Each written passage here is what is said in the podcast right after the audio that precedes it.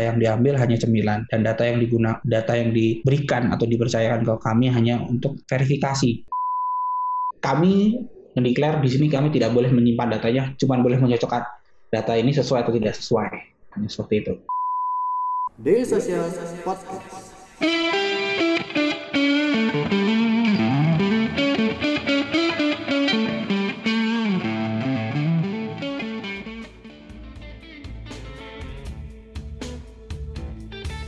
Saya kalau misalkan menyinggung tentang customer journey ya juga nih mas terkait hmm. pengembangan teknologi juga mungkin ya. Hmm. Uh, kalau dari uang teman sendiri uh, gimana sih mas uh, dalam melakukan riset terkait customer journey ini? Apa aja yang dilakukan sebelum melakukan pengembangan teknologi ataupun dari segi keamanan data? Ya fully riset ke uh, nasabah. Jadi kita biasanya ngasih kuesioner, terus juga uh, nampilin video di uh, beberapa tim riset kami ke customer, melihat oh prototipe A kurangi ini, prototipe B kurangi ini. Gitu. Dari dari tim UX UI designer yang biasanya melakukan seperti itu untuk research keluar.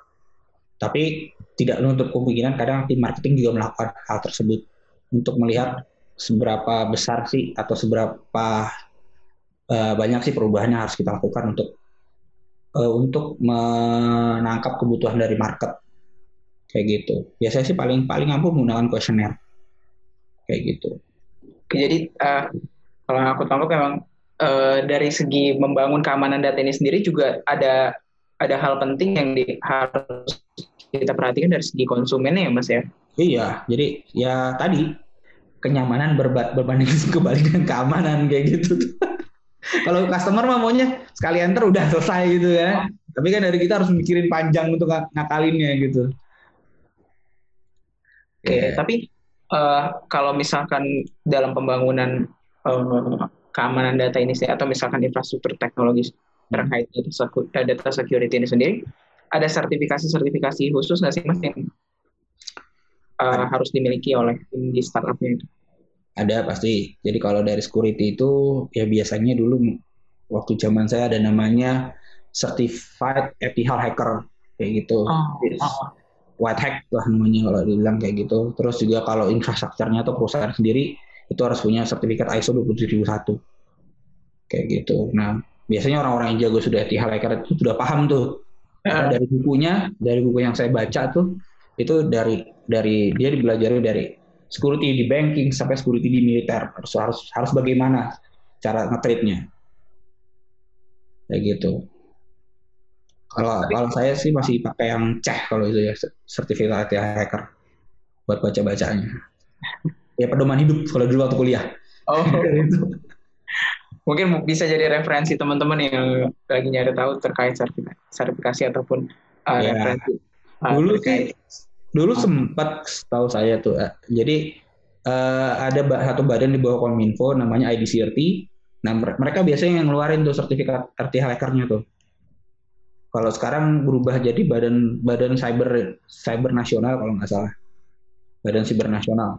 Nah, itu orang-orang IDC itu juga. Nah, situ tuh banyak tuh hacker-hacker hacker-hacker ataupun yang uh, paham di bidang uh, security uh, data. Kebetulan juga saya dulu juga belajar di sana. Kayak gitu. Oh. Gitu. Oke. Okay. Nah, tapi uh, selain sertifikasi nih Mas ya. Hmm. Ada nggak sih mas kalau misalnya uh, kita dalam membangun tim keamanan di atau misalkan membangun infrastruktur keamanan data di startup, hmm. ada nggak sih mas regulasi dari pemerintah nih kita ngomongin ter terkait pemerintahnya nih. Ada nggak sih mas regulasi dari pemerintah yang emang harus diperhatikan banget nih, harus kita penuhi untuk mencapai eh, standar-standar uh, tertentu terkait keamanan datanya? Ada. Kalau di pertama kalau di kalau hmm. di fintech sendiri sudah sudah diatur namanya di POJK 77 uh, itu terga semua uh, uh, aturan ada di situ terkait fintech. Terus juga kalau di fintech juga ada namanya COCAFP yang harus di of conduct-nya itu juga harus diikuti dan terakhir adalah dari Kominfo terkait terkait dengan data data data pribadi nasabah gitu. Nah, ketiga regulasi itu harus kita tepati. Salah satunya ya tadi kita harus punya ISO 27001 hmm. kita sudah punya ribu satu baru kita bisa next stepnya. Karena kita kalau mau bikin punya sertifikat berizin ya salah satunya harus punya ISO certified. Baru kita ngikutin semua regulasinya. Kayak kayak di uang teman sendiri kita tidak boleh kita hanya ngambil datanya namanya cemilan. Jadi kamera location eh, eh, sama mikrofon. Hanya itu tidak tidak ngambil lebih kayak kontak kayak itu itu kita kita nggak boleh ngambil. Kayak gitu jadi fully hanya data yang data yang dari oh. uh, yang diizinkan sama uh, eh, OJK dan AFPI gitu mas. Dan cukup ketat aturannya walaupun dari kita juga agak sedikit penting waduh ini ngetrack orangnya jadi agak sedikit ribet. Oh kalau regulasi seperti itu ada pemantauannya atau misalkan ada audit tersendiri nggak mas untuk uh, startup startup terutama yang fintech tadi ya Uh, ada biasanya mereka random sampling gitu. Jadi dari dari dari regulator ngambil random sampling ke setiap setiap platform. Nah, dari situ biasanya ketahuan tuh dia hmm. dia ngambil kontak di luar tadi cemilan misal uh, phone book terus uh, WA segala macam itu. Nah, kalau udah ketahuan ya banyak fintech-fintech yang ditutup karena isu-isu isu-isu tersebut. Banyak juga karena data-data tersebut itu buat nyebarin ke ini mas apa pas lagi saat penagihan. Banyak tuh kan teman-teman mas misal kalau di di teror sama debt kolektornya oh mas ini minjem duit di fintech A nih bla bla bla bla bla gitu loh. Nah itu kalau di yang berizin itu nggak boleh tuh kayak gitu kelakuannya. Kayak gitu. Jadi fully kita sesuai hmm. data yang diambil sesuai data yang diizinkan oleh regulasi aja. Nggak boleh lebih. Kayak gitu jadi uh, aku juga baru tahu nih. Jadi uh, selain dari regulasi pemerintah juga untuk fintech sendiri juga ada regulasi-regulasi yang harus dipenuhi uh, ya Betul. oleh pemain-pemain fintechnya itu sendiri. Hmm. Jadi kan ya kita kita kita ya bermain aman lah karena karena ini juga uangnya kan uang-uang dari dari lender juga harus amanah gitu kan makanya dari regulasi sudah sudah ngejagain ya kita ikutin aja peraturan peraturannya okay. uh, Mas Andre nih, aku uh, kalau misalkan tadi kan kita udah ngomongin tentang persiapan ya Mas. Kalau misalkan suatu uh, worst case terjadi Mas, ada uh, data breach, ada kebocoran data yang misalkan terjadi dan menimpa uh, startup kita.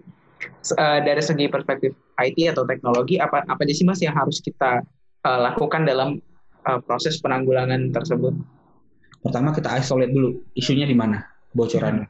Kedua kita investigasi uh, head to toe dari lognya siapa yang akses kapan aksesnya di mana aksesnya itu kita cek dulu kita identify baru kita eksekusi. Biasanya ada ada yang menambahkan code ada juga yang modelnya frauder tergantung dari case-nya. Tapi mayoritas ya ya kalau di Indonesia banyak sih internal fraud kayak gitu loh.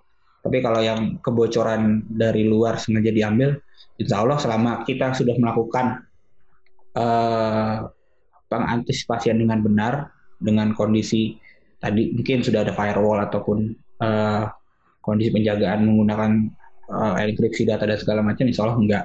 Tapi biasanya kalau sudah terjadi ya tadi preventif identifikasi kapan di mana uh, terus siapa kelihatan kan lognya baru kita execute. Kayak gitu. Biasanya ada yang ditambal ada juga yang kita replace isunya replace menggunakan engine baru ataupun uh, menambal dulu sementara untuk biar berjalan case uh, flow-nya baru sambil kita investigasi lagi ke belakang untuk menyeluruh. Ketahuan mungkin mungkin ada froster mungkin ada kegagalan code atau apa. Kayak gitu. Cukup panjang sih emang kalau kalau kalau ngelihat apa investigasi itu bisa bisa tiga tiga tiga empat hari baru bisa selesai. Karena tadi celahnya juga kan takut juga dari dari nasabahnya sendiri yang uh, atau dari usernya sendiri yang kelupaan atau dari dari code-nya ada yang error atau yang atau dari internal KMI ada yang ada yang fraud kayak gitu. Jadi kemungkinan-kemungkinan itu yang kita coba identifikasi identifikasi sampai ketemu satu report baru kita eksekusi. Kayak gitu. Jadi harus secepat mungkin untuk mengidentifikasi kira-kira uh, kebocoran datanya ini berasal dari mana gitu ya Mas. Hmm, kayak gitu biasanya kalau emang servisnya ada yang error kita tutup, kita close dulu servisnya kita tutup servisnya untuk supaya nggak nggak jadi snowballing ke yang lain. Oh iya iya jadi salah satu caranya itu juga untuk nge-close dulu ya uh, produk atau platform yang digunakan supaya tadi ya masih nggak nggak ada kebocoran data kebocoran data lainnya seperti itu Dek, ngobrol yuk. Ngobrolin apa bang? Startup bareng sosial.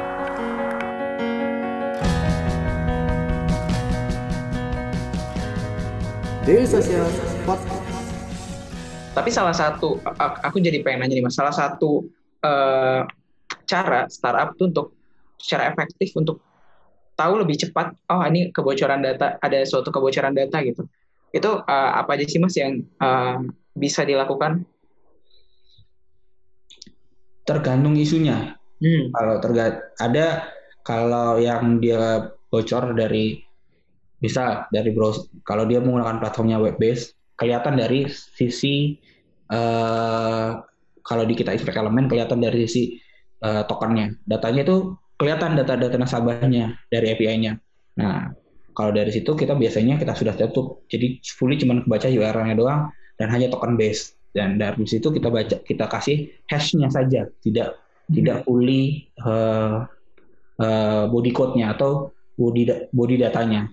Biasanya sih yang paling sering kita gampang ketahuan tuh biasanya dari yang platformnya web based kelihatan semua data transaksinya tokennya itu ada di uh, browser nah itu yang suka yang suka kita coba jaga makanya dari uang teman itu sekarang platform kita belum buka belum buka ke web base karena juga ada isu isu, isu salah satu isu security dan kawan-kawannya makanya boleh pakai mobile apps dulu kayak gitu. Oke. Jadi paling paling gampang sih dari lihat dari itu dari API structure sama si web browser ya. Dari web browser kelihatan kok dia model model API transaksinya seperti apa. Ini salah satu yang paling uh, mudah juga tuh ya uh, web page-nya tadi. Iya, diklik expect elemen kelihatan tuh semua tuh rinciannya kadang begitu. Atau kadang juga bisa menggunakan third party third party untuk ngecek. Dia biasanya kalau pakai Linux itu pakai Nmap kelihatan bolong-bolongnya di mana. Ya kayak gitu. Oh. untuk untuk dia sniffing kelihatan. Oh port sekian bolong port sekian bolong port sekian bolong. Kayak gitu. Saya biasanya sih ngecekin uh, punya anak-anak seperti itu. Dia pakai nmap diliatin oh port sekian bolong port sekian bolong port sekian bolong. Dan ada put ada juga uh, uh, saya lupa ada beberapa tools. Dia uh -huh. dia tools gitu untuk ngechecking sama buat sniffing. Buat buat buat sniffing sebut buat ngecek keseluruhan satu domain. Domain ini koneknya ke mana aja portnya mana aja yang dibuka itu kelihatan semua. Hmm. gitu. Ada ya ada tools toolsnya lah. Gitu. Nah uh, masih ngomongin tentang uh, data security nih mas. Tadi uh, kita juga udah sempat ngebahas tentang third party ya. Ada uh, karena kan mungkin dari mulai dari uh, menyediakan produk dan juga uh, dari segi uh, keamanan data uh, terkadang kita membutuhkan dan atau misalkan dari segi platform kita pun juga ada third party yang digunakan hmm. kolaborasikan. Dan tadi juga Mas Andre juga sempat uh, mention kalau uh, beberapa kali atau uh, third party ini juga punya kecenderungan di mana kebocoran data itu terjadi. Nah, yang aku pengen eksplornya adalah dari Mas Andre ada nggak sih Mas uh, tips atau misalkan hal-hal yang harus diperhatikan ketika startup kita itu ingin berkolaborasi dengan third party itu sendiri apa aja yang harus dipastikan atau yang harus di uh, perdalam lagi uh, terkait kerjasamanya sehingga keamanan data tetap terjaga di kedua belah pihak. Ya pertama kalau kalau bekerja sama harus ada NDA-nya dulu. Mm-hmm. Nah, kedua kita lihat uh, infrastrukturnya dia apakah model API-nya langsung hit atau kita harus registrasi IP-nya dulu. Nah, kalau kami yang biasa dari fintech ke bank itu biasanya kita registrasi IP publik kita ke dia supaya kedetek oh IP-nya cuma IP ini, IP A misal kayak gitu. Terus juga uh, dilihat IP, uh, eh, structure API yang yang dia minta apakah terbuka atau sudah di enkripsi. Gitu. Ada beberapa third party kami dia uh, minta seluruhnya di enkripsi. Jadi mereka yang akan reading ulang. Kayak gitu. Jadi uh, contoh satu contohnya uh, vendor atau third party ekuasi kami dia uh, fully minta di enkripsi kita kan pakai video buat ekuasinya nah videonya itu kita di enkripsi baru dikirimkan ke, ke, ke mereka baru di rending ulang kayak gitu jadi fully cuma base 64 yang diambil gitu. Nah dilihat juga returnnya apakah uh, kita diberikan satu satu mesin sendiri untuk untuk kita atau ada custom API khusus sendiri untuk uh, kita. Kalau kalau dia kita kalau kita digeneralkan coba dicek lagi apakah uh, API-nya itu sudah HTTPS atau sudah uh, HTTP 2 kayak gitu. Kalau dia masih HTTP, nah itu yang harus kita uh, perhatikan. Jadi biasanya intruder akan ngambil uh, uh, API API yang masih uh, bolong atau belum digunakan HTTPS atau masih HTTP kayak gitu. Jadi uh, harus diperhatikan juga nih ya API API yang masih uh, ada kemungkinan bolong dan juga kebocoran data. Ya, kita... lebih lebih baik yang kaku, yang strict dibanding yang nyaman kayak gitu. Yang gampang kalau yang gampang ya tadi ya takutnya ya kan kita nggak tahu justru jelek-jeleknya orang bisa bisa, bisa aja dia ngintur dari tengah gitu loh. Iya. Oh, Oke. Okay. Nah, uh, Mas Andre kita udah punya banyak pertanyaan di, di YouTube. Kita mulai bacain uh, pertanyaan uh, dari teman-teman yang ada di YouTube nih ya. Yang pertama uh, dari Todi Aditya nih. Uh, di salah satu jurnal dia uh, dia bilang dia baca bahwa privasi merupakan salah satu agenda yang wajib di, diperhatikan dalam perlindungan data perorangan. Nah, uh, gimana tanggapan Mas Andre terkait uh, terkait hal ini terkait perlindungan data perorangan? Nah, kalau di uang teman tadi data yang diambil hanya cemilan dan data yang digunakan data yang diberikan atau dipercayakan ke kami hanya untuk verifikasi dan data itu disimpan. Tidak kami berikan kepada third party yang bukan atau ber, yang belum dilisensi oleh OJK ataupun dari AFP. Jadi fully head to head, insya Allah aman datanya, uh, data privacy tidak kita ke mana-mana tetap kita keep. Uh, itu juga yang di diberikan di, ah, itu pun yang juga marwah yang dipercayakan ke kami dari Dukcapil. Kita tidak boleh menyimpan data Dukcapil kita cuma boleh verifikasi. Seperti itu. Jadi fully data itu kita keep sebagai data nasabah dan tidak kita jual belikan keluar. Kayak gitu. Oke. Nah ini ada pertanyaannya. Ini juga nih mas. Menarik dari Richard Nicolaus hmm. bagaimana strategi pengamanan menjaga kerahasiaan uh, dokumen file image, do uh, XLS dan lain-lain uh, dokumen nih di uh, di server yang kita miliki. Pertama servernya harus ditutup dulu di encrypt. Encrypt. Hmm. Iya, kasih VPN gitu. Jadi kalau mau itu ada harus pakai tokennya. Jadi kalau mau ngerit ya readnya cuma boleh pakai API.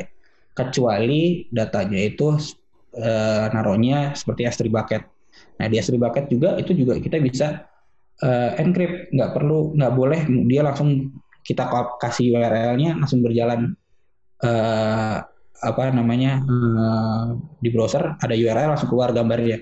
Ya juga kita menggunakan model storing API-nya. Jadi kalau mau baca datanya ya pakai API-nya dulu dikeluarin. Gitu. Tapi kalau mau lebih mudah ya kasih username password, kasih authorize kayak gitu. Itu tergantung treatmentnya uh, gambar atau media apa yang mau disimpan kayak gitu. Toh sekarang dari media media penyimpanan sudah bisa di custom kok mas. Sudah enak banget. Uh. Kalau dulu kan kita harus pakai benar-benar benar-benar hard disk ya kalau ini ya. Ya. sekarang kita udah cuma bisa as a service butuh butuh tong besar namanya S3 bucket dari S3 bucket itu bisa kita custom uh, privacy-nya ya hanya buat kita gitu loh. Hanya skema A yang boleh akses datanya. Kayak gitu. Oh, Oke. Okay. Bapak menjawab ya, uh, Mas Richard Nicolaus nih. Ini ada pertanyaan juga nih Mas dari Prasetya Mahidayat nih. Uh, ini juga mungkin bisa jadi uh, bisa jadi apa ya hal menarik nih. Biasa serangan serangan apa aja sih yang dilakukan uh, hacker untuk meretas data? Jadi uh, mungkin tadi kita juga belum sempat membahas secara khusus ya.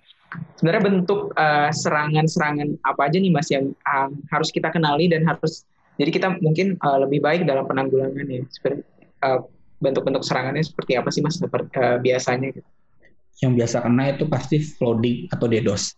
Jadi mesin kita bisa mati tuh karena karena dia uh, ngirim hit ke kita dengan multi IP ke server, nah yang mengakibatkan salah satu dari mesin kita atau service kita mati. Kayak gitu. Ada juga yang menggunakan uh, brute force. Kalau zaman-zaman dulu tuh, jadi dia coba meretas uh, uh, username password kita untuk dia masuk ke uh, admin. ada juga kebiasaan dia menggunakan fake login. Jadi ini yang berbahaya untuk kalau kita lagi eh, apa namanya lagi ngopi-ngopi enak dapat wifi oh. wifi gratis nah data kredensial kita kita kita kita isiin di situ tuh nah kita harus harus coba aware juga bahwa apabila kita di public hotspot coba sekarang udah tidak harus memberikan data pribadi kita kalau bisa kalau sudah menyangkut data banking atau yang lain-lainnya itu kalau bisa di rumah aja jangan di luar. Atau pakai seluruh phone uh, datanya jangan pakai hotspot public. Kayak gitu. Itu sih intruder yang paling banyak. Kalau yang besar sih ya DDoS dari DDoS dia bisa uh, ngubah-ngubah ke dalam. Kayak gitu loh. Dulu saya sempat uh, waktu sebelum dua teman pernah kena ada ada case DDoS gitu. Hmm? itu flooding jadi mesin saya uh, bekerja dua dua apa tiga kali lipat. Jadi fully hard disk RAM uh, bukan hard uh, memory network processing full semua. Kayak kayaknya di kayak diserang zombie gitu. Banyak waktu banget. Itu penanggulangannya gimana tuh mas? Waktu kejadian uh, hal tersebut? Jadi uh, kita restart dulu dat mesinnya, terus kita uh, lihat IP mana yang blok IP mana yang nyerang, itu kita tutup satu blok satu blok tuh kita kita, uh, kita masukin blacklist. Kayak gitu. Lalu kita kita preventif. Waktu itu saya masih menggunakan GCP saya langsung applicable si stack driver untuk uh, ngeblokir uh, seluruh uh, data-data seluruh IP yang dicurigai. Contoh yang kayak dari China dari Rusia itu biasanya banyak banget yang hacker-hacker yang nyerang dari menggunakan IP-IP dari situ. Kayak gitu sih. Oke. okay. Jangan lupa subscribe Ngobrolin Startup Daily Social Podcast di SoundCloud, Spotify, atau aplikasi podcast favorit kamu. Uh, kita lanjut ke pertanyaan selanjutnya ya Mas ya ini masih banyak juga ya yang bertanya tapi ada uh, mungkin dua dua orang nih yang bertanya terkait uang teman dan juga fintech nih. Boleh. Uh, dari yang pertama dari Jonathan Immanuel Sirgar, bagaimana peran fintech untuk menjaga kerahasiaan data customer agar tidak bocor serta meningkatkan um, kredibilitas fintech itu sendiri. Lalu yang kedua nih ada dari Egi Yuda, kalau misalnya uh, sebuah startup fintech mungkin uh, misalkan uh, dari pengalaman uang teman atau dari pengetahuan Mas Andre uh, terlanjur terkena serangan yang menyebabkan uh, adanya kebocoran data pengguna ini Mas. Kira-kira apa langkah yang perlu dilakukan untuk mengembalikan kepercayaan pengguna? Kalau misalnya tadi kita sempat mentionnya terkait penanggulangan sistemnya nih ya Mas Ini hmm. uh, Mas Egi ini bertanya terkait mengembalikan kepercayaan pengguna. Jadi ini ada terkait meningkatkan kredibilitas fintech dan juga mengembalikan kepercayaan pengguna, Mas. Uh, kalau yang saya, saya jawab yang pertama dulu ya. Yeah. Jadi kalau data yang sudah diberikan ke saya, ke bukan ke saya ya, ke, ke platform kami itu insya Allah kita keep tidak kita keep berikan ke sana sini kecuali yang sudah uh, bekerja sama uh, dengan kami dan sudah berizin dari OJK juga. Uh, itu datanya insya Allah tidak akan kita ke mana-mana, kita keep sesuai dengan uh, eh, SOP kami yaitu uh, data itu akan tetap ditahan selama lima tahun sesuai undang-undang uh, undang-undang apa gitu saya lupa kayak gitu. Baru setelah lima tahun kalau memang mau dia mau dimusnahkan silahkan. Tapi selama ini selama dari 2015 sampai sekarang data itu masih masih kita keep tidak kita ke mana-manain. Terus apabila ada serangan terus bocor, pertama kita kita benahi dulu data aplikasinya kita. Serangannya di mana, uh, impactnya apa, hasil identifikasinya apa, kita bikin reportnya. Baru baru dari situ kita bikin press release. Kita kita kita keserang di di uh, daerah mana dan kondisinya seperti apa. Dari uh, dari situlah kita coba menggali lagi kepercayaan publik oh, dari kami sudah melakukan perbaikan yang cukup lumayan cepat misalnya gitu kan dari dan komprehensif untuk uh, menangani ya insya Allah tidak terjadi ke kebocoran-kebocoran selanjutnya. Kayak gitu loh. Jadi sih uh, kalau dibilang kebocoran itu bisa maksudnya bisa multi apa ya multi tindakan sih nggak cuma hmm nggak nggak cuma press aja. Jadi dari kami pun dari platform kami pasti akan melakukan perbaikan yang fully fully insya Allah fully cepat uh, dengan dengan waktu sesingkat mungkin lah. Karena kredibilitas itu nomor one. Apalagi berhubungan dengan investor kan kredibilitas itu nomor one ya. Kayak gitu loh. Saya semoga nggak nggak nggak terjadi lah kayak gitu. Tapi ya kalau terjadi pun ya insya Allah kita tadi investigasi dengan detail dengan waktu yang seminimal mungkin lalu kita perbaiki kayak gitu. Oke. Nah ini ada pertanyaan yang menarik juga nih mas uh, yang sampai ke tim kita nih dari Gisela. Uh, mungkin kan uh, sekarang itu untuk platform-platform fintech ada verifikasi data menggunakan foto selfie dan juga foto KTP dan foto selfie menggunakan uh, menggunakan menunjukkan KTP-nya. Nah, hmm. tapi um, beberapa kali ditemukan tuh ada data-data foto selfie uh, dengan KTP tersebut ya tersebar atau bahkan dijual belikan di beberapa platform media sosial. Dan menurut Mas Andre nih apa sih uh, hal yang salah dari se dari sistem security-nya sendiri sampai data-data verifikasi yang tentunya sangat penting dan juga sangat private untuk konsumen ini uh, konsumennya itu sendiri bisa terjadi uh, sampai kebocoran data tersebut. Dan juga uh, ada pertanyaan untuk menghindari hal seperti ini kalau dari uang teman sendiri, apa aja yang udah dilaku, dilakukan dalam hal antisipasi kebocoran data terkait uh, data-data verifikasi pengguna seperti ini? Oke, okay. uh, eh, dari uang teman sendiri kita sudah tidak ada uh, foto selfie berikut KTP seperti ini, itu nggak ada. Dari kami kita menggunakan namanya video recognition. Jadi, oh. jadi kita melihat uh, bentuk biometrik uh, dari mata, retina sampai alis. Uh, lalu kita cocokkan ke datanya Dukcapil itu kita menggunakan third party. Nah dari situ datanya juga kita hash, tidak kita tidak telanjangi fully videonya. Karena itu benar-benar datanya kita hash, agak tebal hashnya. Kalau baca code agak lumayan uh, abstrak deh. Itu kita base nampaknya kita kirimkan ke mereka, kita cocokkan. Kalau memang cocok datanya baru kita lanjutkan ke next prosesnya. Nah, da dari sisi untuk KTP-nya sendiri kita gunakan hanya untuk pengambilan data-data kayak ID KTP itu pun menggunakan OCR dari ruang teman. Jadi foto terus kita kita pindahkan datanya ke form. Jadi eh, foto itu cuma hanya untuk perantara saja si foto KTP-nya. Nah dari situ data-data kayak agama dan lain-lain langsung kita kirimkan ke formnya. Ya, dari dari situlah kita coba untuk tidak menggunakan foto uh, selfie berikut sama KTP. Nah um, dari seluruh itu juga kita banyak melakukan ya inovasi-inovasi lah dari dari uh, tim dari yang tadi kita menggunakan third party yang cukup cukup cukup bagus untuk ekuasinya dan kita juga direct sendiri ke uh, Dukcapil untuk pengecekan data uh, data data nasabah tapi kami mendeklar di sini kami tidak boleh menyimpan datanya, cuma boleh mencocokkan data ini sesuai atau tidak sesuai. Hanya seperti itu. Kalau tidak sesuai ya kami delete, kayak gitu loh. Kasih kami reject datanya, kayak gitu loh. Kalau sesuai baru kita lanjutkan. Nah, terus apalagi mas tadi mas pertanyaan mas, aku lupa. Kayak tadi uh, uh, Gisela nanya kalau uh, untuk uang teman sendiri uh, dalam untuk menghindari hal ini apa yang dilakukan. Tapi kalau dari segi sistem sendiri tadi Mas Andre menjawab uh, uang teman sendiri tidak menggunakan verifikasi menggunakan uh, selfie ya Mas ya? Iya, kita pakai video recognition. Um, banyak banget sih yang kita lakukan untuk masih bocoran tuh yeah. buat buat buat itu terutama terutama untuk KYC di depan kayak gitu. Jadi udah uh, fully insya Allah aman datanya datanya tidak ke mana-mana karena tadi kebanyakan foto selfie yang disebar di media sosial itu biasanya sih dari dalam.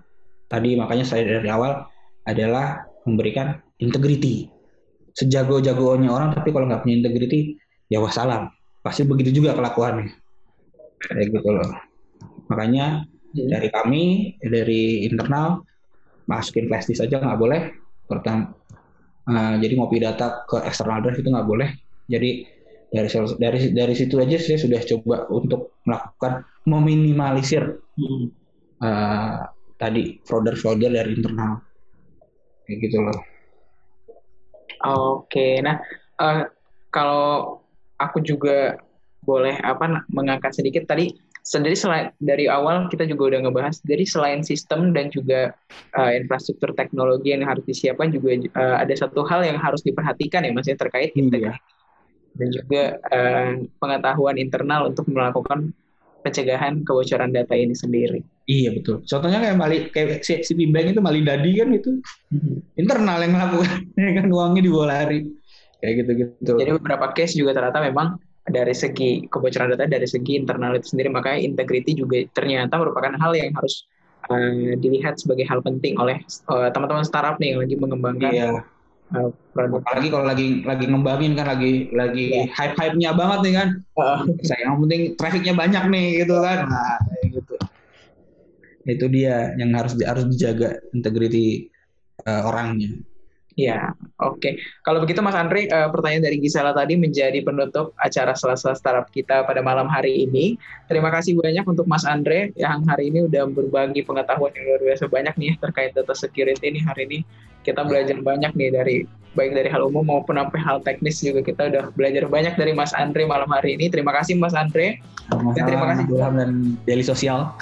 Ya, dan terima kasih juga untuk uh, teman-teman yang sudah menonton di YouTube kita. Uh, saya Ilham Sanjaya pamit undur diri. Terima kasih sekali lagi Mas Andre. Sama-sama Mas Ilham dan Del Sosial udah mengundang saya nih. Sama-sama. Bye.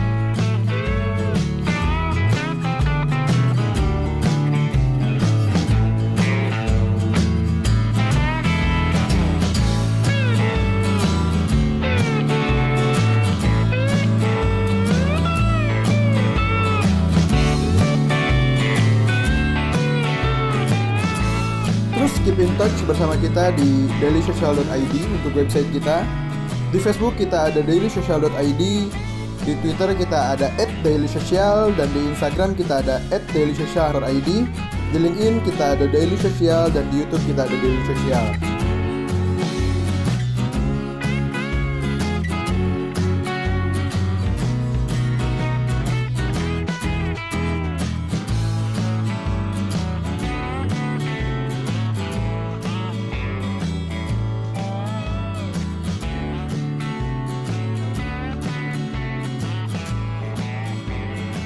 Daily Social Podcast.